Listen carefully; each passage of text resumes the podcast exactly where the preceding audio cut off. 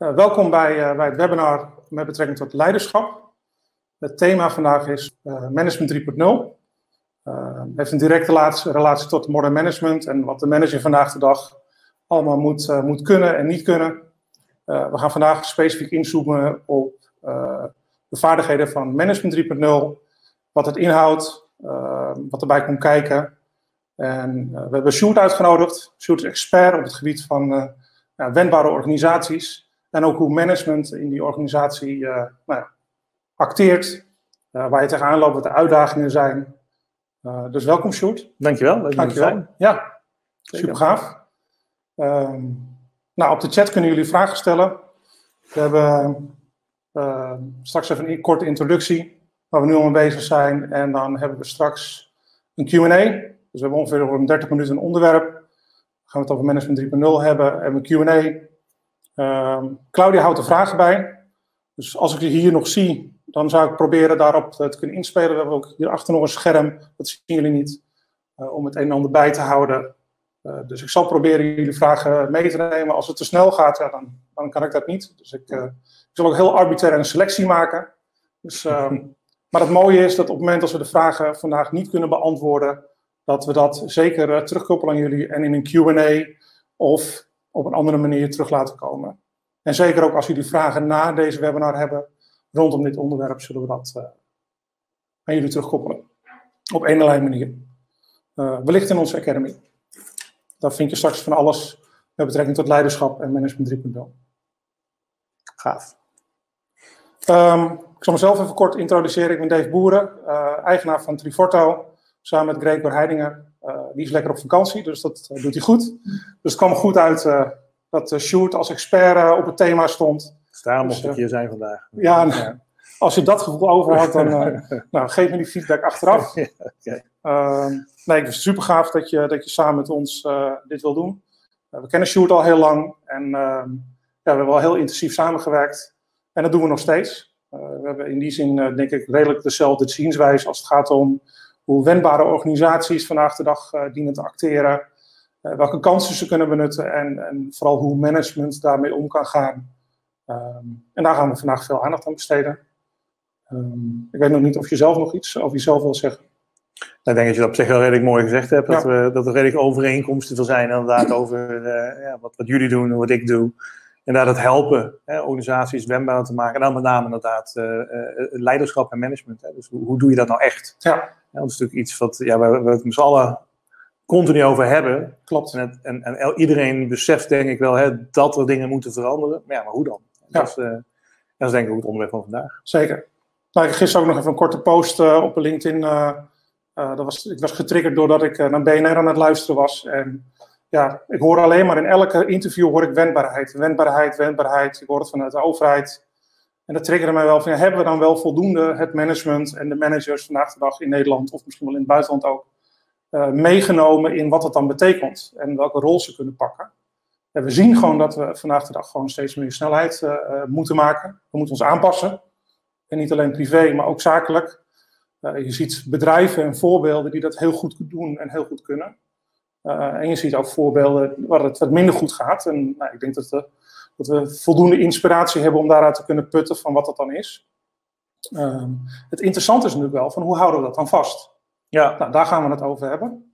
Uh, dus dat is ook een vraag van mij aan Sjoerd. Van hoe kijk je daar tegenaan? Hè? Want we kunnen nu vandaag de dag uh, ons eigenlijk best wel snel aanpassen. Hè, als we dat echt willen. We zien dat we, dat we adaptief zijn. Um, maar wat is jouw zienswijze van hoe zouden we dit nou vast kunnen houden? En hoe kunnen we nou die brug slaan dus uh, dat het eigenlijk een soort het nieuwe normaal wordt om jezelf aan te passen aan de marktomstandigheden of wat een overheid van je vraagt. Hoe kijk je daarop? Ja, nou, misschien nog, nog voordat we zeggen van ja, hoe hou je dat vast? Eh, want je zei net interessant van nou, we, we, weten inmiddels wel hoe dat moet. Ja, sommigen zijn er inderdaad heel erg goed in. Ja. Uh, maar toch wat ik wel interessant vind is dat ondanks iedereen het daarover heeft, hè, zie je, is natuurlijk dit jaar nog wat bovenop gekomen in al die onzekerheid, hè, de coronacrisis. En dat heeft het ook best wel wat uh, teweeg gebracht. En je ziet we moeten eens met alle thuiswerken. Nou, dat betekent nogal wat voor bedrijven. Uh, je hele afzetmarkt is misschien wel, wel disrupted. Ja.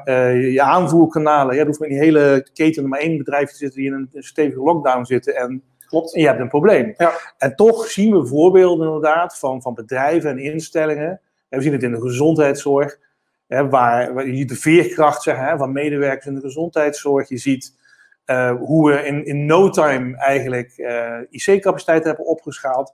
Maar ook bedrijven, uh, bijvoorbeeld van bedrijven waar ik mee werk, in de gezondheidszorg, maar dan meer in de apparatuur eromheen, die eigenlijk in een record time zeg maar, een nieuw type beademingsapparaat op de markt hebben gebracht. Ja, echt, een fractie van hoe lang ze daar normaal over doen. Dat is toch wel anders dan wat, dan wat we gewend waren. Kijk, want hoe hebben ze dat dan precies gedaan? Want wat is dan wat jij nu gezien hebt bij het bedrijf waar je nu werkt, dan, uh, of waar je helpt, hè, om, om, om dit, dit mogelijk te maken? Wat zie je dan ja, anders?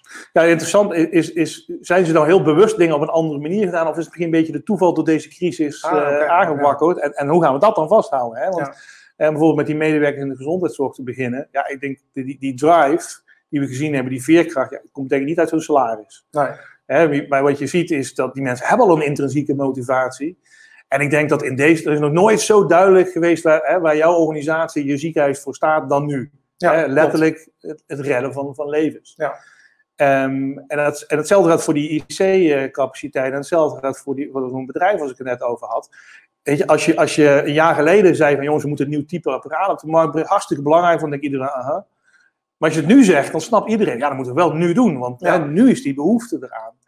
En dus dat is denk ik één, hè, dat, dat voor, voor mensen heel duidelijk is nu, waar staat mijn bedrijf voor en hoe kan ik eraan bijdragen. Maar normaal gesproken hebben we ook een purpose, toch? Ja. Dus dat hebben we toch eigenlijk al in place uh, als, als het daarom gaat?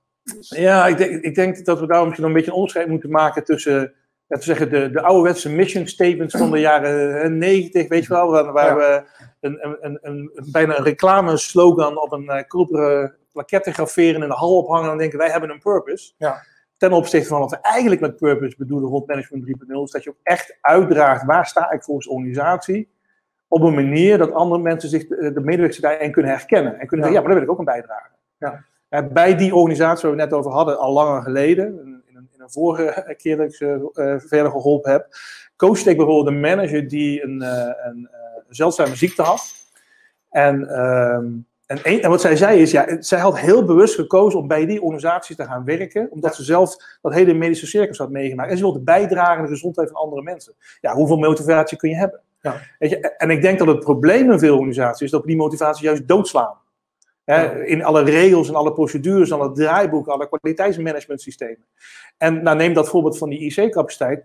We konden niet terugvallen op het draaiboek. Er was geen draaiboek van hoe je dat ineens doet. Maar wat is dan die rol van die manager? Hè? Want eh, die vraag zie ik ook van Barry uh, voorbij komen. Hoe maken we leiders dan bewust?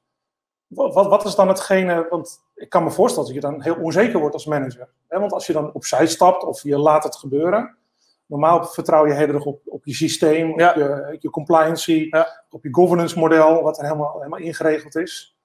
En in één keer laat je dat dus los. Ja, ik denk niet dat het in één keer loslaten is. Ik denk dat dat misschien nu gebeurd is. Hè? Um, en inspelen wat jij zegt van ja, hoe eng is dat? Ja, als we dat van tevoren heel erg gaan bedenken, wel, maar nu werden we gedwongen ja. om het los te laten. En dan gaat het eigenlijk wonderbaarlijk goed. Hè? Dus ik denk dat die bedrijven, en daardoor gezegd hebben, ja, we moeten in no time een nieuw apparaat op de markt uh, brengen. Um, wij weten ook niet hoe het moet, hè, want we, daar hebben we de draaiboeken niet voor. Nee. Jullie zijn de experts. En dan zie je dat die creativiteit en die drive van mensen ineens ja, ontzettend gave dingen in no time voor elkaar kan krijgen. En, en wat ik hoop is dat dat managers ook inspireren om te zeggen, ja, dat kan, maar wat, wat, moet ik nou doen, zeg maar, hè, om, dat, om dat vast te houden? Ja. En ik denk dat één, om die vraag dan maar meteen ja, nee, in te gaan. Daar zitten we op te wachten. Ja, ik, ik, denk dat een van die dingen is dat je moet gaan nagaan, waar komt die drive, waar komt creativiteit dan vandaan? Nou. Nou, en wat we eigenlijk zien is dat, en dat, dat is al onderzoek van, van, van minstens 40 jaar oud tot nu uh, lopend, is, is, wat we noemen self-determination theory. Wat ons zegt dat eigenlijk mensen drie basispsychologische behoeftes hebben. Uh, autonomy, relatedness en, purpose. Uh, sorry, en uh, competence. Ja. En die drie dingen, iedereen heeft dat, zeg maar. Dat drijft eigenlijk engagement. Um, en eigenlijk, wat zou je dan kunnen zeggen? Wat moet je dan als manager doen? En wat is misschien jouw, jouw nieuwe taak als manager? Is om een omgeving, een werkplek te creëren waarin die drie basisbehoeftes ondersteund worden. Of alle hindernissen die in de weg staan van autonomie en, en relatedness en competence, om die langzamerhand te gaan opruimen. He, en, en dat begint onder andere met die purpose waar je het zei. Ja. Van hoe kunnen we zorgen dat die purpose zo kristalhelder is dat iedereen denkt van ja, dat past wel, waar ik ook voor sta. Ja. Maar je, maar je verwacht toch eigenlijk dat de purpose van een, nou, in dit geval een ziekenhuis, dat dat niet verandert op het moment als er een keer een crisis is. Nee, Toch? Dat- nee dat ik, denk dat, ik denk, precies. Ik denk dat die ook niet verandert. Hè. Ik denk dat je alleen dat mensen dan we hebben een grote wake-up call gekregen hebben van ja, daar doe ik het eigenlijk voor. Ja, ja. Weet je, en dat heel erg En als je dan de ruimte creëert, hè, de omgeving creëert als manager om mensen iets te kunnen laten doen. Met, kijk, want je kunt nog wel zeggen van, ik weet waar ik aan bijdraag, maar als ik vervolgens ja, in een soort keurslijf gedwongen word door alle procedures en regels en draaiboeken, heb ik nog niet het gevoel dat ik dat doe. Snap je? Dus het tweede deel is die omgeving waarin mensen initiatief kunnen nemen, waarin mensen kunnen leren, ook fouten eh, eh, eh, maken mag. Want hè, die IC-capaciteit bijvoorbeeld, we weten niet wat we moeten doen. Het is Ja. nieuw. Dus Ja. het gaat fout. Hè? En dan moet je niet een manager hebben die op je schouders zit te kijken en je zegt van nou, dat heb jij fout gedaan. Maar die moet ondersteunen. Dat we zeggen, ja, we weten dat nog niet. Jij bent aan het leren. Ik vertrouw je erop hè, dat je dat doet. En zit dat dan in die autonomy? Dat zit in die autonomy. Dat zit onder andere in die autonomy. Maar het zit bijvoorbeeld ook in die relatedness. Want dat brengt ons dan dichter naar die purpose. Hè, van waarom doen we dat? Ja. En dat je als organisatie die purpose ook helpt vertalen naar het dagelijkse werk van mensen. Hoe kan ik in mijn rol, hoe kan ik bijdragen aan die purpose?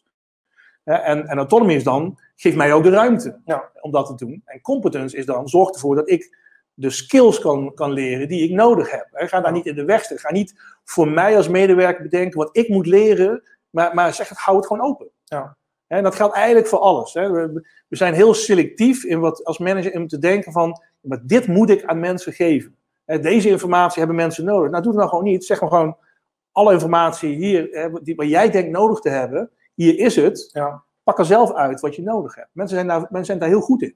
En, en hoe komt het dan dat, dat we. Want dit- we hebben nu een heel concreet voorbeeld. Hè, dus, dus het is heel makkelijk praten dat nou ja, de urgentie is heel hoog. Dus Ja. we veranderen snel.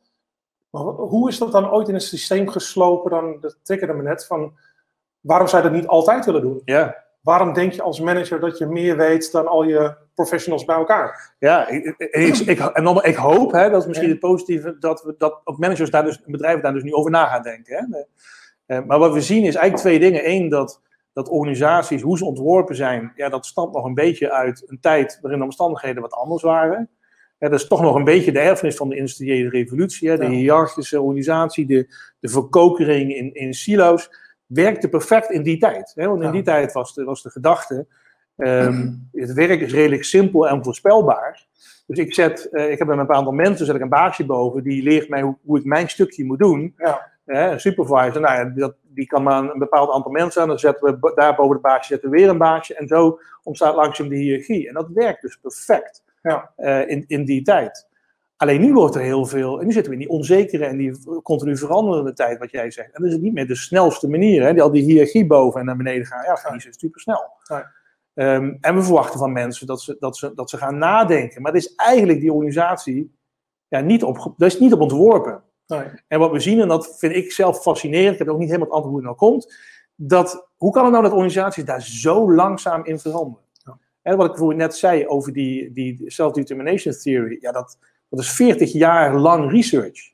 Ja. We weten al heel lang hoe engagement werkt, hoe motivatie werkt, maar het zijbelt maar heel langzaam door. Ik, ik kan me nog herinneren, ik had er ooit een keer met Gregor over en toen kwamen we over, het lijkt wel of bedrijven een soort van immuunsysteem hebben. Ja. Weet je wel, dat alle verandering die we met alle goede bedoelingen proberen voor elkaar te krijgen, zo van geabsorbeerd wordt eh, en, en dan weer verdwijnt. Hè, want het grappige is, wij praten er nu hier over, we geven natuurlijk ook trainingen op dat Ja. gebied. Dus dan haal je mensen uit die werkomgeving. Iedereen is het eigenlijk wel eens met wat we zeggen. Iedereen zegt van ja, inderdaad. Dan ga je weer terug naar je werkomgeving. En dan word je weer geabsorbeerd in je dagelijkse processen. Ja, en die zijn er toch heel erg op gebouwd om dingen hetzelfde te laten. Hè, op die, die, die status quo eh, te houden. Bedrijven zijn niet gebouwd op verandering. Nee. Hè, bedrijven zijn gebouwd op stabiliteit. En dat is dus, ja, dat is een beetje dat immuunsysteem. Hè, van, eh, het is heel moeilijk om echt die verandering te krijgen. Maar nogmaals, ik hoop, hè, want er zijn echt wel middelen om dat te doen.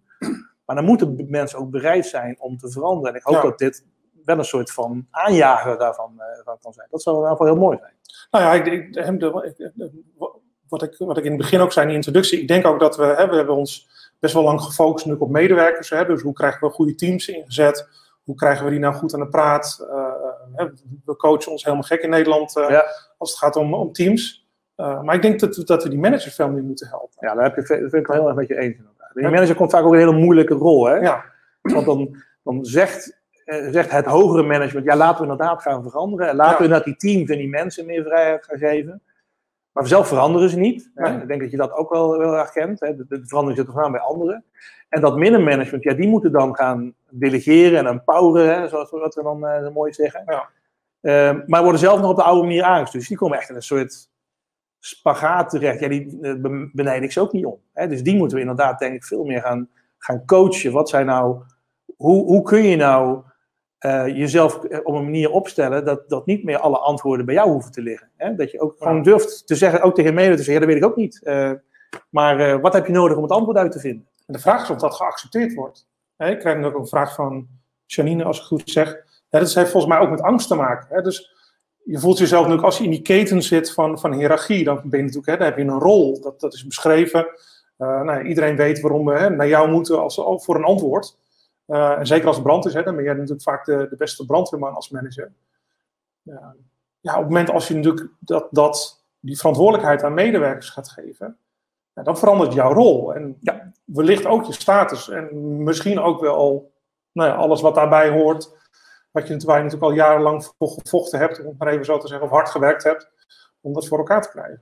Ja, het, het, het, het vereist ook wel een soort verandering van, van mental model in organisaties. Van hoe kijken we tegen de wereld aan? Hè? Ja. Uh, wordt mijn autoriteit als manager bepaald doordat ik alle antwoorden heb? Of wordt het bepaald doordat ik heel goed ben om mensen, de, de creativiteit van andere mensen te mobiliseren? Uh, dus ik denk ook dat je dan zeker de steun van senior management nodig hebt om die boodschap te helpen verkondigen uh, tegen, tegen het middenmanagement. Van ja, je, je hoeft niet meer je autoriteit te ontlenen aan, aan al jouw kennis.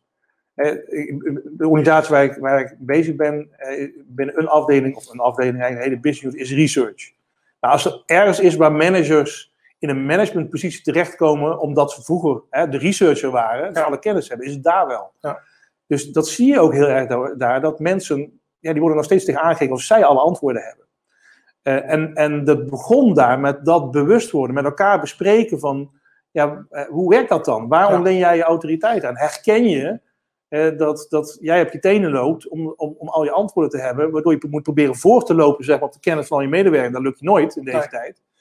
En, en, het begint bij die erkenning. En, en, en... Maar dan, zou je, sorry dat ik onderbreek, maar dan zou je bijna zeggen dat op het moment als we echt de, de, de, het C-level van organisaties, inclusief HR, kunnen meenemen op de reis dat de waardering voor managers op een andere manier ingestoken wordt. Klopt. En dat je juist gewaardeerd wordt hoe goed je je systeem kan laten werken. Ja. Daar zou er zomaar een oplossing in kunnen zitten.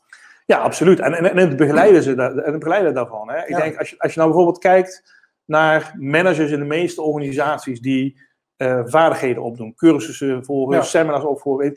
Over het algemeen gaat het over inhoudelijke kennis hoe, hoe, ja. hoe vaak, hoeveel managementvaardigheden leren we die mensen nou? Ja, heel weinig. Heel weinig. Ik, merk, ik merk ook in, in, bij veel klanten van ons hè, dat, dat heel veel klanten vragen van ja, geef me een blauwdruk en vertel, geef me een functieomschrijving en vertel me wat ik moet doen. Hè, dus ja. een takenlijstje. En dan is het duidelijk. Ja. Maar daar, daar begint het eigenlijk pas. Precies. Hè, los van of het daar echt begint, maar dan moet je dat volhouden in je gedrag en in je systeem. En dan ga je natuurlijk met, met uitzonderingen overweg, dan moet je overweg kunnen. En dan wordt het echt spannend. En dan is het, het, het nou ja, zoals we, volgens mij in zo'n manifesto staat het ook, hè, je wil niet hè, met het contract, wij spreken, een gesprek voeren. Van dit is mijn contract, dit hebben we afgesproken. En je wil juist dat we leren van op het moment als we een situatie hebben die we nog niet eerder hebben tegengekomen, hoe gaan we daar dan mee om? En dat vraagt natuurlijk veel meer gedrag. Ja. We hebben het vaak ook over tastbare en niet tastbare kant van, van verandering ja, vooral die niet tastbare kant, hè, dat is nu allemaal een beetje fluffy. Hè. Ik noem het wel eens tegen Claudia, ja, oh, gaan we bomen knuffelen. Uh, want dat wordt dan vaak in het extreme geplaatst. Maar ik denk de vaardigheid om zelf comfortabel te zijn, om bij spreken aan de zijlijn te staan als een coach. Hè. Dus als je manager bent en je coacht dan je omgeving en je creëert dat. Ik denk dat dat een geweldige rol kan zijn. Ja, absoluut. En, en als we het dan over mental models hebben, dan, dan zie je al, het, het schiet al vaak in het taalgebruik. Hè? Ja. Eh, we noemen het fluffy eh, of zacht, hè, de soft skills. Ja. En dat suggereert al iets. Hè. Ik, ik, ik, zat, ik had, uh, van de week gaf ik een training aan, aan managers uh, nou, bij die organisatie waar ik het over, over had. En die mensen zeggen ook, ik vind het fantastisch dat je ook meer aandacht geeft aan de soft skills en zo. En dat, en dat triggerde mij, nu jij dat ook zo zegt. Dan denk ik, ja, maar wat is dan de perceptie daarvan? Want het, want het klinkt een beetje van, nou, als bomenknuffelen zeg maar. Maar eigenlijk gaat het daarom. Ja. En die hard skills, dat zijn de trucjes. Ja. Dat is makkelijk. Dat zijn Zeker- formulieren, procedures, Precies. Ja. Ja, maar business models die je moet invullen. Ja, en, en juist in deze veranderende tijd is die, die, hoe communiceren, hoe gaan we om met de valkuilen communiceren, hoe creëer ik vertrouwen, hoe, hoe Ja. zorg ik ervoor dat als ik mensen, aan die mensen iets overlaat, dat ik niet bij de eerste, de beste keer dat er een fout gaat, weer, toch weer eh, in, de, in, de, in de kramp eh, spring en, en ga ingrijpen. Omdat Dat zijn de soft skills. Maar dat, het grootste transitie zit in, in, volgens mij in dat je stopt met antwoorden geven en begint met vragen stellen. Ja, dat je, dat je dat als manager, dat, dat is volgens mij de grootste transitie. Van accepteer dat je niet het antwoord hebt. Eh, en als je het antwoord zou willen weten, dan zou je bijvoorbeeld een vraag kunnen stellen. In plaats van dat je heel erg je best doet om het beste antwoord te geven. Ja, dat gaat twee kanten op. Hè? Want ja. enige, je moet als manager natuurlijk leren om, om niet altijd de antwoorden te willen geven. Ja, als mensen met een probleem komen, maar mensen te coachen eh, om zelf naar een oplossing te gaan. Maar je moet ook je mensen coachen. Want mensen vinden het soms ook wel fijn om gewoon tegen de manager te, kunnen zeggen: ja, maar jij bent toch verantwoordelijk. Dus je moet, als je dat probeert, ook zorgen dat je niet, als mensen naar je toe komen voor hulp, want dat is natuurlijk prima, Ja. dat je niet jezelf dat aapje weer op jouw schouder laat plaatsen. Weet je, dat je de verantwoordelijkheid weer over nemen. Dat is denk ik ook een valkuil uh, die ik in de praktijk heel veel uh, zie gebeuren.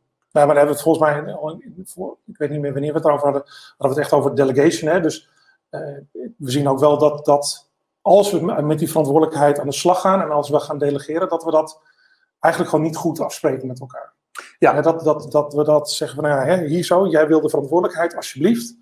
Maar dat het ja, ook een, ja. echt een reis is waar je medewerkers op moet meenemen en jezelf ook.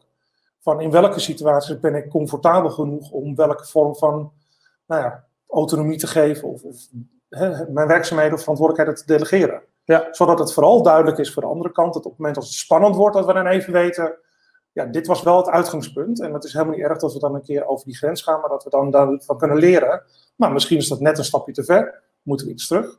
Ja, ik denk het heel goed wat je zegt dat het een reis is. Hè? Want ik denk dat het allerbelangrijkste is dat je authentiek blijft als manager. Ja. Weet je, als, als jij, omdat, omdat dat eenmaal besloten is, gaat zeggen, nou, jij mag een beslissing nemen, maar eigenlijk Hè, voelt dat niet, dat voelen mensen haar fijn aan. Klopt. Hè, dus, dat, dus je moet jezelf ook niet dwingen om dat te doen, moet daar langzaam heen. En het tweede wat je inderdaad zegt, die duidelijkheid. En hè, we, we geven hier, we hadden het over Management 3.0, we geven hier trainingen waar we veel dieper op die materie ingaan. Ja. Maar ook echt met concrete tools komen over, ja, maar wat voor soort beslissingen zeg je nou eigenlijk van, ja neem maar gewoon joh, ik hoef het niet eens te weten. Hè, wanneer jij een vrije dag neemt, dan als je het maar met je collega's afspreekt, ga je gang. Uh, en andere soort beslissingen waarvan je zegt van nou, het is wel fijn als je wel van mij even om advies vraagt. Ja. Uh, en misschien zijn er ook wel beslissingen waar zeggen ja, sorry, maar die, die liggen bij mij. Dat is, dat, dat is, uh, dat is, een, sommige, dat is een bedrijf die, die dat noemt dat below the waterline decisions. Met andere woorden, als jij een beslissing neemt, dan zou je het bedrijf mee omver kunnen schoppen, zeg maar. Nou, dan moet je even goed om je heen kijken en, en, advies vragen, ja. zeg maar. Voor de rest ga je gang. Ja. Nou, dat is natuurlijk per bedrijf op die reis verschillend welke niveaus je wil afspreken voor welk soort beslissingen. Ja. En daar hebben we ook tools voor die, die daarbij helpen. En dus ook helpen om dat transparant te maken. Want ik denk dat dat is vaak vergeten wordt, want dan zei je net ook een beetje van, ja, dan zeggen we, uh, vanaf nu zijn jullie empowered. Weet je? Ja. En dan gebeurt er niks. Nee. Ja, waarom gebeurt er niks? Ja, nou ja, ik denk, hoe, hoe zou dat bij jou zijn? Je ook denken van, nou, ja, dat zei je gisteren nog niet. Ik weet je, even, Dave, ga jij maar eerst. Ik zie wel even wat, hè, hoe de manager reageert. Ja. En mensen weten niet, tot hoe ver kan ik dan gaan? Hè, dus, en dat klinkt misschien een beetje tegenstrijdig, maar wil je mensen empoweren, moet je ook beperkingen aanleggen. Jazeker. Je moet hè, ja. kristalhelder zijn over wat dan wel en wat dan niet. En dat mag je dan wel langzaam een beetje gaan, gaan oprekken. Nou ja, maar dan hebben we het eigenlijk over angst aan beide kanten. Hè? Dus Zeker. angst van de manager om in zo'n nieuwe rol te stappen en angst van de medewerker van oké, okay, ja, waar liggen mijn grenzen en hoe kan ik dat dan oppakken? Ja, beide zijn het niet gewend. Nou, nou ja, en, en, en ik denk dat het ook nog wel interessant is dan om te kijken van oké, okay, hoeveel, hoe objectief blijf je dan naar elkaar kijken? Ik zie veel, uh, volgens mij Laura had ook net, net uh, een opmerking daarover van, ja, kunnen medewerkers dat wel aan? Hè? Of willen ze dit wel, hè? Die, die, die verantwoordelijkheid? Ja, ik denk op het moment als je als manager ook op een bepaalde manier kijkt naar zo'n situatie en je gelooft daar niet in, hè, dan heb je ook een bepaald mental model. Ja, onze voorstelling bepaalt ons gedrag. Hè, dat op het moment als ik al naar mijn medewerkers laat zien dat ik het eigenlijk niet vind, of hè, dat ik het daar niet mee eens ben, dan zal een medewerker ook heel zenuwachtig worden met uh, oké, nu moet ik het beste antwoord geven, want we hadden net afgesproken dat het mijn antwoord zou moeten zijn. Ja, daarom is ook dat het ook een mental model is om te denken ehm, dat mensen dat misschien niet kunnen of willen. Ja. Hè, um, ik, ik, herinner me altijd nog uh, mijn, mijn eerste baan, uh, heel vooruitstrevende organisatie. De directeur van die zei ooit van, um, je, mensen, mensen steken zich voor tonnen in de schulden om een hypotheek te nemen om een huis te kopen. En over het algemeen gaat dat goed. Ja. En mensen voeden kinderen op, ook niet een heel kleine eh, verantwoordelijkheid. Nee, zeg maar. dagelijkse uitdaging. Precies, daar weet je alles van. Ja. En dan komen ze over de drempel van ons bedrijf en dan gaan we ze behandelen als kleine kinderen. Ja. En dan mogen ze ineens niks meer en geen beslissing meer nemen. En dat is eigenlijk van de zot als je erover nadenkt. Mensen kunnen dat echt wel, mensen willen dat ook wel. Ja, dan hoor je mensen zeggen van, nou ja, maar ik, ik ken wel iemand in mijn organisatie, weet je, die, die zit alleen maar naar de, naar de klok te kijken, die Klopt. doet niks meer dan. En ik geloof dat niet. Nee. Weet je, want Maar wat is dat dan? Want wa- hoe ontstaat dan zo'n beeld? Eh, dus, je kijkt naar iemand en blijkbaar ontstaat daar wat. Ja, en het, het grappige is, denk ik, of het grappige, misschien ook het uitdagende van motivatie, hè, want daar hebben we het er van deel over. Ehm, je kunt als manager, dat is misschien de, de, de, de, de moeilijke boodschap, je kunt mensen niet motiveren. Nee. Eh, je, wat je wel kunt doen, is de omstandigheden voor motivatie creëren. Maar ik geloof niet dat mensen niet gemotiveerd zijn. Hè, want ga je echt met die mensen praten, dan, dan hebben ze, zijn ze heel gepassioneerd in een hobby. Staan ze op zondagmiddag een zoontje aan te moedigen, misschien iets te fanatiek, eh, langs de zijlijn van het veld. Klopt. Dus ze zijn wel gemotiveerd, alleen niet hier. Nee. Ja, wie schuld is dat dan? Is dat dan hun schuld? Of hebben wij schijnbaar een systeem in de organisatie gecreëerd waarin die mensen niet gemotiveerd zijn? Ja. En daar zit volgens mij ook de sleutel. Hè, Nogmaals, die omgeving creëren die autonomie en relatedness en competence ondersteunt. En dan, dan hebben we in de training allerlei concrete handvatten in hoe je dat dan, eh, hoe je dat dan doet. Maar je die omgeving creëert waardoor mensen ook hier in onze organisatie ge- gemotiveerd kunnen zijn. Waardoor we die drive en die passie en, en, dat, en die, die doorzettingsvermogen en die creativiteit eruit gaan halen. Ja. En waardoor die verschijnselen die we nu zien in die crisis, niet, inderdaad niet, dat we niet altijd een crisis nodig hebben om, dat, eh, om dat te kunnen doen. Ja, dat zou wel mooi zijn. Hè? En dat, dat zie het ook voorbij komen. Hè? Ik denk dat we managers echt wel een. een eh, hebben we, het is ook heel lang in de agile omgeving, om het even daarin te, te positioneren. Hebben we het gehad over ja, managers moeten opzij. Hè? Die uit de organisatie, managementlagen eruit, waren we trots op als we dat voor elkaar kregen. Ja, maar vier enge wezens, Maar volgens mij moeten we ze gewoon hun rugzak opnieuw vullen. Hè? absoluut. We zien nog steeds dat op het moment dat ze van een gerenommeerde opleiding afkomen, dat ze allemaal weten hoe business model canvases werken en hoe je een bedrijf financieel moet sturen, allemaal gaaf. Maar hoe je moet interacteren en hoe je nou ja, mensen meeneemt, hoe je een verandering start, hoe je een omgeving creëert waar iedereen zijn kwaliteiten maximaal kan, eh, kan laten, ja, laten, laten zien. Ja, dat, volgens mij wordt dat gewoon heel weinig nog steeds geleerd. Ja, een hele harde kant zien we Ja. eh, veel bij managers terug. En de zachte kant, ja, dan doen we een keer een soort feedbackcursus van een halve dag. En die proppen we dan ergens in ons schema en dan, eh, Ja, dan, dan kunnen ze het wel. dan kunnen ze het wel. Ja, ja, ik ben het met je eens hoor. Eh, We hebben managers ook gewoon. Ik denk wel dat er iets verandert in die zin dat we misschien uiteindelijk minder mensen nodig hebben die manager op hun visitekaartje hebben staan. Maar de activiteit managen juist misschien veel breder verspreid wordt. Hè? Omdat we mensen uitnodigen om eigenlijk zelf een soort van ja, ondernemer binnen je eigen organisatie te zijn. Maar we hebben degelijk managers nog, alleen die rol. Ja. Hè, Die rol verandert van het rechtstreeks aansturen van mensen naar het, naar het creëren en ook het beschermen, denk ik, hè, van die omgeving. Ja. Waarin mensen ge-engaged kunnen zijn. En dan wel een goede vraag van Barry ook tussendoor. Hè, van hoe, laat je, hoe geef je managers nou dat inzicht? Hè, want ja, als niemand mij feedback geeft, hè, wat natuurlijk al heel, heel vaak ook gebeurt. Hè, dus ik merk ook bij veel organisaties waar wij langskomen en, en, en eh, managers helpen en medewerkers helpen, zien we ook vaak ook van, maar hoe vaak heb je nou je manager feedback gegeven? Dat hij misschien iets anders zou kunnen doen, of dat de manier waarop hij of zij met jou interacteert, dat dat nou, een bepaald effect op jou heeft, wat niet zo heel prettig is. Ja. Ja, dus ik denk dat daar ook al voor mij een belangrijke sleutel zit. Maar heb je nog meer ideeën hoe we dat, hoe we die transparantie kunnen creëren?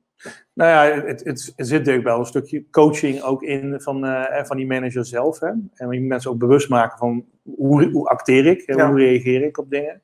Ehm, wat ik bijvoorbeeld bij de organisatie waar we net over gedaan hebben, is dat we eigenlijk bij die manager een soort buddy systeem gecreëerd hebben. Ja, klopt. Dus dat je iemand hebt die je vertrouwt, die ook een soort spiegel is voor jou. Van, Ja. En dan moeten we de mensen wel leren, tools hè, die je niet, eh, die je niet zomaar even onder de knie hebt, die jou kunnen helpen. Maar die buddy kan dan helpen om te zeggen, hé, hey, wacht even, je trapt weer in die valkuil. Ja. Eh, En een van die tools hebben we al een paar keer over mental models gehad. Ja.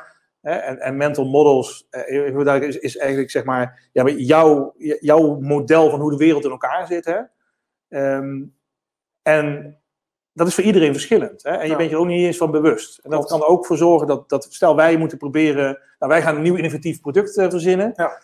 Ehm, dat doen we allemaal met ons eigen wereldbeeld. Ja. Dus, dus het kan best zo zijn dat wij elkaar, elkaar totaal niet begrijpen, Ja. omdat we ons niet bewust zijn van ons eigen wereldbeeld. Nou, als, als we die managers eh, beter willen laten communiceren met mensen en, en meer uit mensen willen laten halen, dan is het bewustzijn van je eigen mental model, hè, dus hoe jij tegen dingen aankijkt, dat ook verzorgt hoe jij reageert op mensen en ook dat van anderen, is dan heel belangrijk. En, en, en een specifieke tool die we ook tijdens de training eh, mee, mee oefenen is wat we noemen de ladder of inference. En de ladder of inference is een tool die, die en het heet een ladder, want het is eigenlijk ook echt letterlijk een ladder van stapjes die jij omhoog gaat als wij in een, in een gesprek zitten, van dingen die je eigenlijk objectief zou kunnen observeren, alsof er een camera op staat, hè, zoals Ja. nu. Hè, dan, als we die afspelen, dan zien we precies wat er gebeurd is. Ja. Alleen, als ik jou vraag wat gebeurd er is, dan gaan jouw hersenen al een stapje omhoog, die gaan al dingen filteren. Ja. En bepaalde dingen zie je niet. En dat wordt bepaald door jouw mental model. En, eh, en dan gaat het verder omhoog. Weet je? Dan ga je er betekenis aan zoeken. En dan ga je er conclusies uit trekken. En dan ga je daar acties aan ontlenen. En voor je het weet, hè, gebeurt er iets. En een split second heb jij die ladder opgerend en heb je een conclusie getrokken die misschien een klein beetje voorbarig was. Ja. En, en, dan, en dan ben je elkaar kwijt. Ja, geval. zeker. Ja, want dan ga je er ook naar handelen. Dan gaan we naar handen. Ja, dan ga je natuurlijk feedback geven en dan zeggen van hé, maar ik had een andere voorstelling, andere verwachting en ik heb of meer ervaring en vervolgens ga je zo ook communiceren. Ja. Ik kan me voorstellen als een professionele cameraman hier naar kijkt, dat die denkt, nou, licht kan wat anders, geluid is misschien nog wat beter. En die heeft nu allemaal aannames van waarom wij nou ja, dit opleveren zoals we dat opleveren. Ja, ja bij- zo een- een voorbeeld. Stel, stel ehm, je hebt een vergadering eh, Ja. georganiseerd. Een hartstikke belangrijke vergadering. En eh, een collega die komt 10 minuten te laat eh, binnen. Nou, dat is irritant. Dat is, Ja. dat is behoorlijk irritant. Ja. En, en die kijkt je niet aan, die zegt geen sorry, en die gaat gewoon zitten, is dan een beetje op zijn telefoon te doen. Wat, wat, wat denk je dan? Ja, irritant. Eh, ik ben wel comfortabel om daar vaak wat meteen wat van te zeggen ook. Dus dan, of ik stel er een vraag over van, hé, eh, wat is er aan de hand? Want we hadden toch afgesproken dat? Nou, dat is al een mooie, hè? Want als jij die vraag stelt, dat, dat is heel gaaf, want dan ben je al, heb je jezelf al weerhouden om heel snel die ladder op te gaan. Want doordat jij die vraag stelt, geef je die anderen de kans om jou, om, om jou mee te nemen in wat daar gebeurd is. Ik merk ook dat het lastig is hoor. Natuurlijk, eh, als je dat ziet gebeuren, dan ben je gewoon heel comfortabel. Geen beetje achteroverleunen en rut. Ja, aannames. Ja. En ik heb gewoon bepaald eh, waarom die medewerker niet gemotiveerd is om hier op tijd te zijn voor de meeting die we allemaal heel belangrijk zouden vinden. Ja, toch? precies. precies. Maar, Ja. hè, dat, gaat, gaat hartstikke snel. En dat is dan weer, het begin al bij dat tweede stapje, dat filteren. Hè? Ja. Je ziet dat hij te laat binnenkomt, je ziet dat hij zich niet verontschuldigt, maar je ziet bijvoorbeeld niet dat hij een beetje hinkt, een beetje zweet, Nee. een beetje, een beetje angstig uit zijn ogen kijkt of iets dergelijks. Ja. Dus je gaat er meteen betekenis aangeven. Hij zal wel niet gemotiveerd zijn, zoals Ja, je zegt. ja, klopt. Ja. Je gaat conclusies trekken. Weet je, als ik erover nadenk, eigenlijk is hij nooit gemotiveerd in de meetings die ik organiseer. Je, en dan gebeurt dus interessants. Dan ga je namelijk ook je mental model weer aanpassen. Dan ga je namelijk denken van, weet je wat, ik, ik, ga ook helemaal geen tijd verspillen aan mensen die niet gemotiveerd zijn. Ja. En dan ga je acties ondernemen. Dan zeg je, weet je wat, ik nodig ook nooit meer uit ook. Nee. Je, en- en- maar er is misschien iets heel anders in de hand. Hè? Er was misschien een ongeluk gebeurd, waardoor hij laat binnenkwam. Hij is helemaal van de kaart. Ja. Ehm, en wat interessant is, die ander heeft ook een mental model.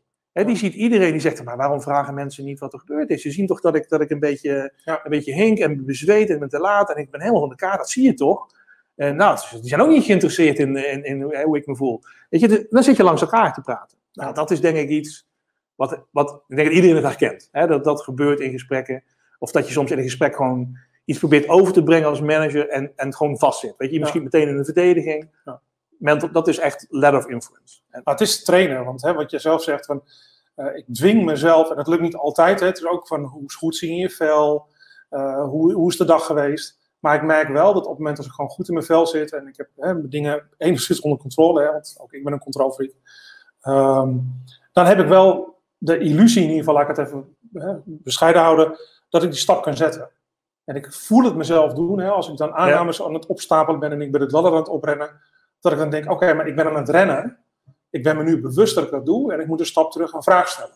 ja, Eh, en ik vind het lastig hè, dat dat blijft. Want het, dat is ja, trainen. Hè? Dat is- ja, maar je ziet wel dat als je jezelf dat continu aanleert en continu, en ook wel in je omgeving, dat bespreekbaar maakt. Hé jongens, ik doe dit. Eh, ik ben er niet trots op, hè, bij wijze van spreken. eh, maar op het moment als ik aannames doe, ik heb dat, nou ja, Claudia zit daar, hè, ik heb ook wel eens met Claudia de nodige discussies gehad over van, hè, dat zij zegt, ja, jij, doet gewoon aannames, je doet nu een aanname. En een aanname op zich is niet, niet verkeerd, hè, dat mag je best doen, maar het feit dat ik dan even niet eh, het vermogen hebt gehad om toch die vraag te stellen van oké, maar wat is jouw zienswijze? Of wat vind jij daarvan? Of wat is er dan gebeurd? Hè, waarom heb je deze keuze gemaakt? Eh, dat ik eerst even wat informatie naar mezelf toe trek om te denken, nou, nou als, als dit vanuit dit perspectief uh, beschrijft, nou, dan is het misschien helemaal niet zo gek. Ja. Er zijn er ook andere opties voor. Uh, voor nou, dat is een belangrijke. Dat je, kijk, had, had, ik ook op een andere manier kunnen reageren? Zijn er ook, heb ik iets gemist in, in wat ik gezien heb? En, en je zei net, Claudia, Claudia zegt van, uh, je, je, doet aannames, maar dat is eigenlijk ook wel een, een beschuldiging. Hè? Ja. Dus wat misschien beter werkt. Hoor, dus, uh... Nou ja, dat is, dat is, dan nu de tip, tip richting Claudia. wat, wat misschien beter werkt, is dat je zegt: van hé, hey, maar wacht even, neem me eens mee in jouw gedachten. Hoe ben je tot die conclusie gekomen? Ja. Want dan ga je letterlijk met elkaar die ladder af. Ja. Dan ga je van een conclusie naar uh, dingen waar je een bepaalde betekenis hebt. Zeg, had je, had je hier ook een andere betekenis aan, aan kunnen ontlenen? ga je terug naar, maar wat, zie, wat zag ik gebeuren? Maar zijn er ook dingen die je misschien gemist hebt? Hè? Dus, dus dat is een truc. Uh, wat jij net zei, hè, van uh, de bewustwording van woorden, dat is natuurlijk belangrijke. En ik had van de week een collega die het heel mooi zei. We hadden het toevallig hierover. En die zei van, als ik merk dat ik in die valkuil trap, hè, dan geef ik mezelf permissie om even een stap terug te doen. Ja. En dat, dat, dat, vond ik, dat vond ik heel mooi, ja, mooi. mooi gezegd. Uh, en soms moet je dat gewoon ook letterlijk doen. Hè? Door gewoon te zeggen van, ja, weet je, ik voel het niet helemaal lekker lopen. Is, is het oké dat we er morgen even over terugkomen? Ja. Want dan koop je jezelf de tijd om even die ladder af te gaan en zeggen, wat gebeurt er nou eigenlijk? Ja. En, en, en, dan, en dan de volgende ochtend weer uh, met, met frisse moed.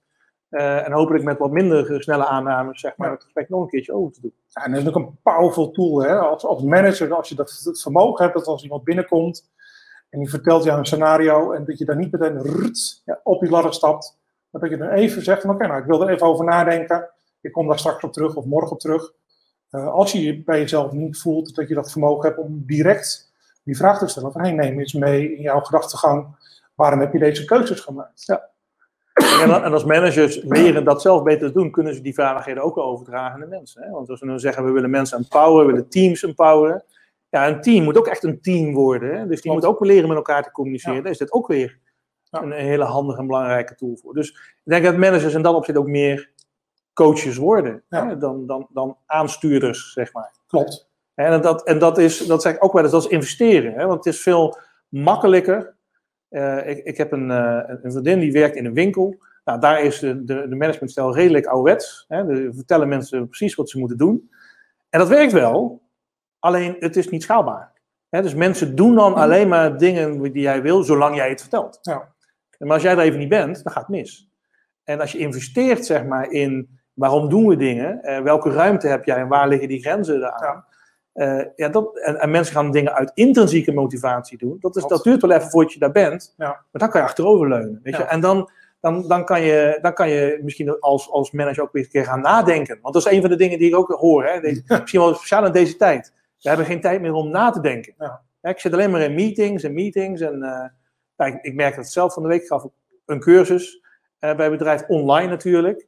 En dan geef, misschien herken je het ook, geef je een cursus, duurt tot drie uur. Nou, ga er maar eens tien seconden overheen en iedereen haakt af. Ja. Want ze moeten naar de volgende cursus. Ja, echt bijzonder dat. En ik vroeg er mensen, eh, want we bleven hangen, maar, maar hoe, wanneer neem je nou de tijd om te reflecteren op wat je net allemaal gehoord hebt? Ja. En want jij gaat nu de volgende meeting in en jouw hersenen gaan eigenlijk pas verwerken, zeg maar. Dat gaat pas werken, dat leren. Eh, na de cursus, bij wijze van spreken. Als jij meteen bij een andere meeting ingaat, nou, dat, is, dat is echt gewoon zonde. Nou, misschien is dat ook nog wel eh, een, een hele belangrijke. De, de, tijd inbouwen in ons dagelijks werk om na te denken. Ja, daar hebben we het nu net over. Hè? als die, die manager, maar ook jij als collega, als je gewoon even die reflectie, eh, dat reflectiemomentje hebt van oké, wat hoor ik nu? wat is de data? Hè? Wat je zei, je, je begint natuurlijk met het vaststellen van de data. Wat, wat observeer ik nu? Uh, zijn er meerdere inzichten die ik heb? Eigenlijk op het moment als we een idee lanceren, dan kijken we ook naar opties. Ja. Dat is nu met communicatie ook. Dat op het moment als iemand iets communiceert, kun je ook nadenken van, hé, hey, wat, wat zijn nou de beweegredenen voor iemand om zich zo te gedragen? Welke opties heb je allemaal? Ja. En weet je er bewust van hè, dat, dat, dat dat voor een ander, hè, die zijn eigen mental model heeft, ja. dus ook weer andere opties overweegt. Dat Daarom kan het ook zo zijn dat, dat, dat ik denk, ik heb een briljant idee, ik zeg het tegen jou, en dan je komt een hele lauwe reactie, en dan je denkt, maar waarom, waarom snapt David nou niet? Ja. Dit is toch gewoon, dit, dit, is toch briljant? dit is toch briljant? Ja. we hebben gewoon een ander wereldbeeld. Klopt. En, en, en een van die dingen, dat is ook weer een van die trucjes in die, in die letter of influence, is nodig de ander uit om uh, jou mee te nemen in zijn gedachtenwereld. Hè? Hoe, hoe ben je tot dat idee gekomen dan? Hè? Welke data lag eraan ten grondste? Welke aannames heb je erin gedaan? Ja. En ik denk dat dat ook iets is. Hè? We zijn organisaties. Stel, wij, wij, zitten aan tafel, we moeten inderdaad dat, dat briljante nieuwe product uh, gaan lanceren. Wat er gebeurt, er vaak als we, dat, als we mensen aan tafel zetten, is we gaan proberen elkaar vliegen af te troeven. Ja. we, gaan, we doen is elkaar overtuigen dat ik het beste idee heb. Ja, zeker.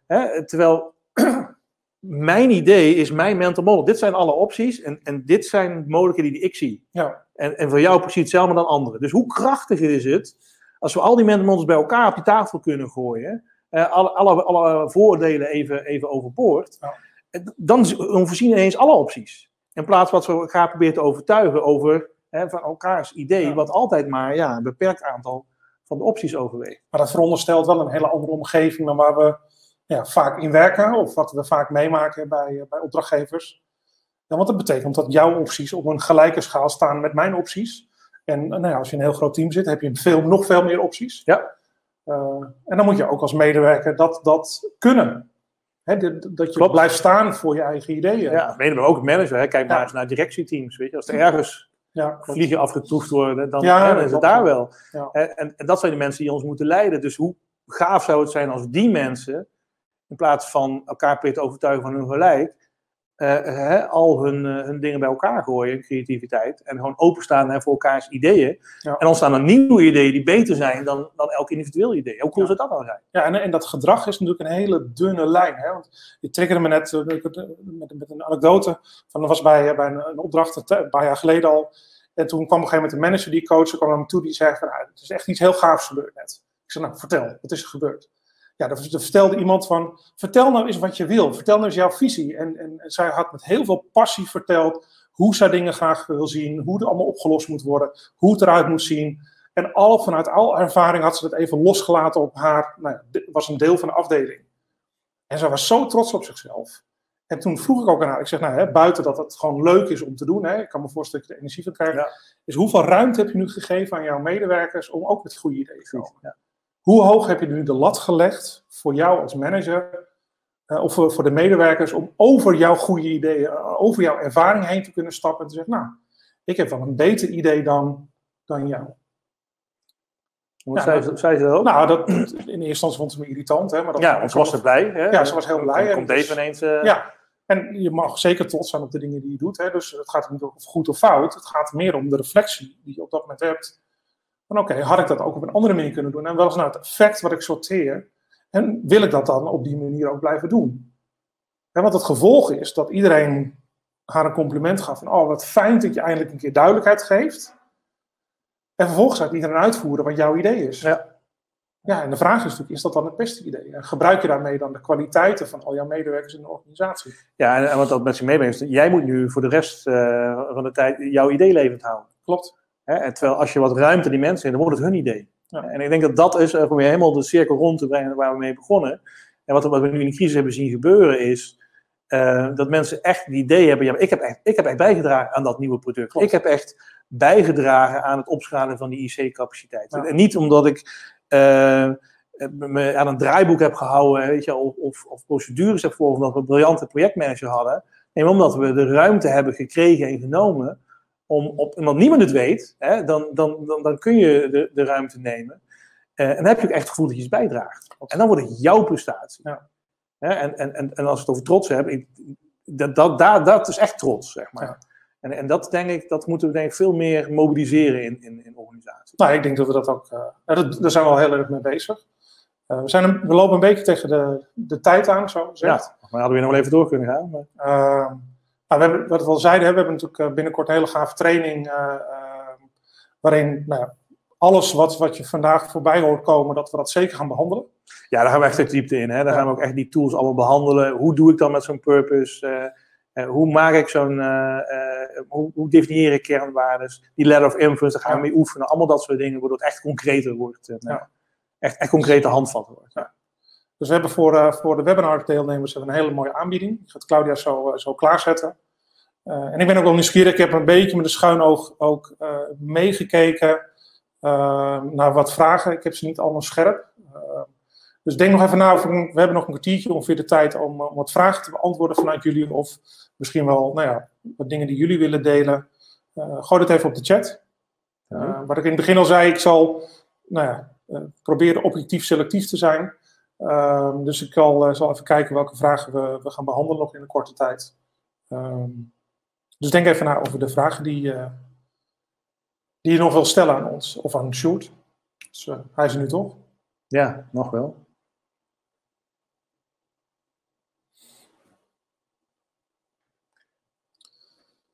Ik zie wel een leuke vraag van, uh, oh, even springt, van Noortje. Hoe deel je die mental models met elkaar? Dus hoe deel je dat? Hoe kom je erachter wat je mental model is? Uh? Ja, nou, het is oefenen, oefenen, oefenen. Hè? Want het is, het, is vaak, het is in het begin heel oncomfortabel. Net zoals we hadden straks over feedback geven. En we hebben ook van die bekende riedeltjes van, nou, dat is ook heel oncomfortabel. Omdat het gewoon trucjes lijken in het begin.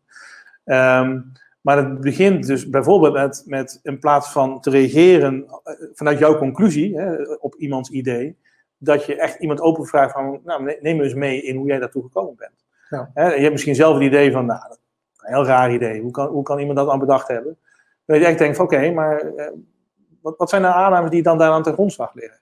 Weet je, dat is niet veroordelend. Dus ik denk dat dat ook wel een belangrijk is. Hè? Dat je dus je reactie niet oordelend of veroordelend klinkt, maar uitnodigend is om samen zeg maar, die, eh, die, die ladder af te gaan. En dan, ja, het is eigenlijk, ik noem het wel eens natuurlijk het afpellen van een ui, weet je wel? Het is dat je langzaam met elkaar tot de kern komt van, maar wat zijn nou de grondwaardes die zeggen dat jij, jij, dat jij dat vindt, of dat een goed idee is. Want daar ligt iets aan ten grondslag. Ja.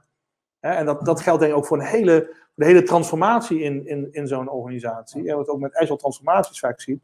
En daar liggen kerndingen aan ten grondslag. Vertrouwen we mensen wel of niet? Denken we mensen dat mensen uh, leiding nodig hebben of niet? Weet je wel? Zijn we obsessief met efficiency of gaat het om de outcome? Dat zijn echt de diepere dingen. En daar, dat zeggen we niet. We zeggen andere dingen. En je moet langzaam in het gesprek met elkaar die ui afpellen totdat je in die, die onderliggende kernwaarden komt, zeg maar. Maar hoe doe je dat dan in een, in een niet veilige omgeving? Want dat, dat zagen we net ook. Ja, dat is natuurlijk de truc. Hè? Het begint natuurlijk wel met het creëren van die veiligheid. En ik denk dat dat begint met jezelf kwetsbaar durven opstellen als manager. En, en dat zijn we natuurlijk ook niet gewend. Hè? Dus ik denk dat je als manager ook moet durven zeggen. Ik denk, ik denk misschien moet je gewoon proberen. Gewoon, gewoon uh, morgen, zeg maar. Uh, als je al in een managementpositie bent en je krijgt een vraag, je ook dus gewoon eens zegt van, nou, dat weet ik niet. Kijk eens wat gebeurt. Ja. kijk eens wat voor reactie je krijgt. Want ik denk dat het ook vaak gewoon angst is. Hè? Dat als jij dat zegt, dan denk ik, oh, dat is een slechte manager. Maar ik zou zeggen, probeer, kijk maar wat er gebeurt. Ja. ja, ik denk dat dat echt wel een enorme uitdaging is. Ik maak het best wel vaak mee dat, uh, dat, dat de manager het nog wel op zich wel oké vindt hè, om dat te proberen. Maar dat de omgeving van die manager zelf dat dat ook niet oké is. Nee, en dan komen we weer op dat immuunsysteem van de organisatie. Hè? Dus, dus, ja, je moet het breder trekken dan die, dan die ene manager, denk ik. Ja, want ik had op een gegeven moment had ik voorgesteld bij, bij een klant dat we. Uh, het was normaal dat de manager dan ging afrapporteren aan de directie. Uh, maar dit was eigenlijk een soort vertaalslag van wat er gebeurd is. Uh, en dat waren best wel oncomfortabele gesprekken, hè? zeker als de doelen even niet, uh, niet, uh, niet allemaal in het groen waren. En toen heb ik ook voorgesteld van, nou, maar waarom neem je dan niet een van je, in dit geval waren het product owners, neem je niet een van je product owners of afdelingsmanagers, waar het half, neem je die niet mee. Dat is iemand die accountable is voor het resultaat, en jij ook, maar er is ook iemand die echt in het resultaat staat. Dus die kan veel beter beredeneren hoe of wat. Nou, vonden ze allebei een heel goed idee. Maar dat gingen ze nog even checken aan de directie. En toen vond de directie, nou ja, is dat wel nodig? En, uh, en dan krijg je allemaal argumenten van het managementteam is al zo groot. En uh, hebben we nog wel een stoel, hè? Dat soort voorbeelden. Uh, en dan moeten we extra broodjes bestellen. Ja, echt bizar. Ja, hoe kun je, dus dan, zie je hoe, dan zie je ook hoe die gelaagde hiërarchie in zo'n organisatie ook in stand gehouden wordt. Terwijl, hoe gaaf zou het zijn als je gewoon als directie gewoon mensen van de werkvloer naar je toe krijgt. En die gewoon vertellen hoe het gegaan is. Dan krijg je echte data om te kunnen bijsturen. We kennen allemaal de voorbeelden van projectmanagement rapportages, dat in, onderin staat het op rood en bovenin staat het op groen. Ja, kan het nou? Hè? Ja. was er onderweg gebeurd. Ja, en vervolgens patiënten overleden. Hè? Dus we weten helemaal niet uh, waar we op moeten sturen. En dan snappen we in één keer niet hoe het ons is overkomen. Ja, ja. Nou, dat, dat, dat is echt wel interessant. Hè? Je, je triggert me ook wel dat ehm, over, de, over zo'n dingen als, als rapporteren. Ik, kan, ik kan me nog een keer herinneren, een, een organisatie waarin we zeg maar teams hadden Ehm, ja, die min of meer zelfsturend moesten zijn, zeg maar. En, en elke groep van teams die hadden een eigen soort van war room. Um, waar ze met visueel management allerlei dingen aan de, de muren hangen, zoals burn-down charts, allerlei dingen die zij nodig hadden ja. uh, om hun voortgang te meten. Uh, en dat doet me denken, je moet ook eigenlijk wel een beetje een soort champion zoeken onder de managers. Want er was dus één manager, het was een groepsdirecteur, echt een hoge pief, die uh, over heel Europa zeg maar, alle business units afreisde. Af, en ik was een keer, het was in Finland, uh, hij kwam daar binnen en, en, en hij, zei, hij zei van, oké, okay, pakt iemand, zo'n medewerker bij de hand, zei van, ja, leid me hier even doorheen, wat, wat zie ik nou op die muren allemaal? En, en dat vergeet ik nooit, dat was echt heel grappig. Hij zei, ja, dit is mijn rapportage. Hiermee ga ik naar mijn baas. En dus in plaats van dat hij inderdaad zegt van, ja, hier heb je een format wat jij moet invullen, zeg je, dit is jullie werkelijkheid. Ja. Wat, wat, wat kan ik meer vragen zeg maar, dan jullie? Als dit nodig is, wat jullie hebben om, nodig hebben om succesvol te zijn, ja. dan is dat ook mijn informatie. Ja. Ja, help me er even doorheen, zodat ik de, de basisdingen ervan begrijp en de kern eruit kan halen. En dat neem ik mee. Je maakt wat foto's en, en zegt van, nou, ik ga letterlijk het vliegtuig in, zeg maar, met, met dat rapport. Als je dat soort voorbeelden kunt vinden en kweken, zeg maar, dat is zo krachtig. Hè? Want wij kunnen er wel binnenkomen. Maar het moet van binnenuit op een gegeven moment gaan Ja, zeker. Natuurlijk. We hebben allemaal de voorbeelden, denk ik ook, hè, de toehoorders natuurlijk ook. We hebben allemaal voorbeelden van, ja, dan zijn we heel druk geweest met iets van transformaties. En dan vervolgens gaan we weg. Dan hebben we bedankt voor bewezen diensten. En dan uh, hoor je toch wel nog dat het ja, best wel wat terugveert. Ja. Um, zeker ook met verloop van managers, hè, die toch denken van, nou, dit is niet mijn omgeving. Als je champion kwijtraakt, ja. bedoel je. En, ja. ja. dat hebben we ook wel uh, meegemaakt. Dus ik denk dat het juist mooi is dat we uh, waar we ook mee in het begin mee begonnen, dat we de manager ook echt proberen te helpen. En niet uh, alleen maar te coachen, maar dat we die manager ook de tools, tools geven en technieken leren. Uh, en niet zozeer van hoe vul je nou een goede rapportage in, maar echt leren hoe voer je dat gesprek nou? Ja. En hoe kijk je nou naar je omgeving? Ja, en ik denk en dan tegelijkertijd, hè, denk ik, het senior management meenemen in. Uh, ja, als je wil dat jouw manager zich anders gaat gedragen naar je richting jouw mensen, moet jij je ook anders gaan gedragen richting jouw hè, de managers die onder jou zitten. Ja. Ja, want anders dan wordt het wel een mission impossible voor die, ja. mensen. Dus als je dat ook nog voor elkaar kan krijgen, dan zijn we denk ik heel erg. Klopt. Ik heb nog een huishoudelijke mededeling. Uh, dat hebben we op het laatste moment niet, uh, helaas niet kunnen aanpassen. Ik had het net over de training. Uh, die staat in principe nog gepland als een tweedaagse live training. we zijn aan het overwegen, um, en dat is een zware overweging al, om, om die online te gaan geven. dus we zijn ook wel nieuwsgierig naar jullie feedback. Dus even los van of je die training gaat afnemen of niet.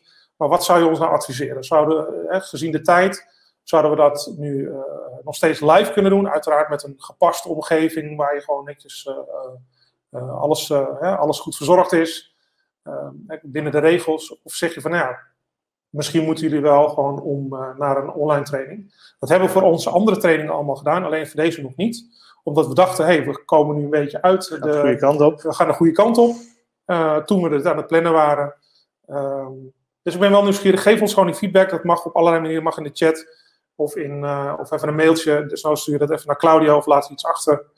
of bel ons. Allemaal goed. nou, dan zijn we een beetje op afronden.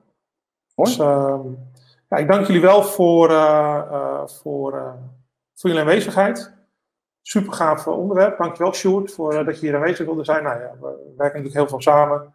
Dus we zien elkaar regelmatig. Uh, Sjoerd is een van de trainers. Uh, de training uh, wordt verzorgd door Sjoerd en Gregor. Ja, dus die lekker op vakantie is. Die is nu lekker aan het uitrusten. Dus ook met vol energie komt hij dan terug. Ehm, ja, ik mag wel zeggen dat we hem echt wel, nou, de training echt wel op een hoog niveau hebben. En veel aandacht heeft voor, voor de menselijke kant, hè, voor de interactie, voor de oefeningen. voor de toepasbaarheid van, van het stof die je leert. want ja, een boek kunnen we allemaal lezen, maar het gaat erom van oké, okay, hoe ga ik dan daarmee om? Ja. Uh, dus maak gebruik van, van het aanbod. Uh, aanvullend, uh, ja, als je zaken wil, wil weten voor ons, kijk op de website van Web24. of die van Clivorto. Of die van Clivorto uiteraard. En, nou, op van op onze Academy, daar staat al onze informatie ook over Management 3.0 en leiderschap. zijn we ook aan het kijken of we nou ja, ook samenwerkingsverbanden kunnen vinden. Om onze kennisbank nog groter te maken, dus super gaaf. volgende maand hebben we weer een webinar uh, zal een ander onderwerp zijn. Uh, uit mijn hoofd doe dat over verandermanagement. Gaan we het dan hebben. Dus ook superleuk. Hoe start je veranderingen? Hoe pak je die beet? Ehm, hoe maak je die succesvol? En dankjewel voor, uh, voor jullie aanwezigheid en tot een volgende keer.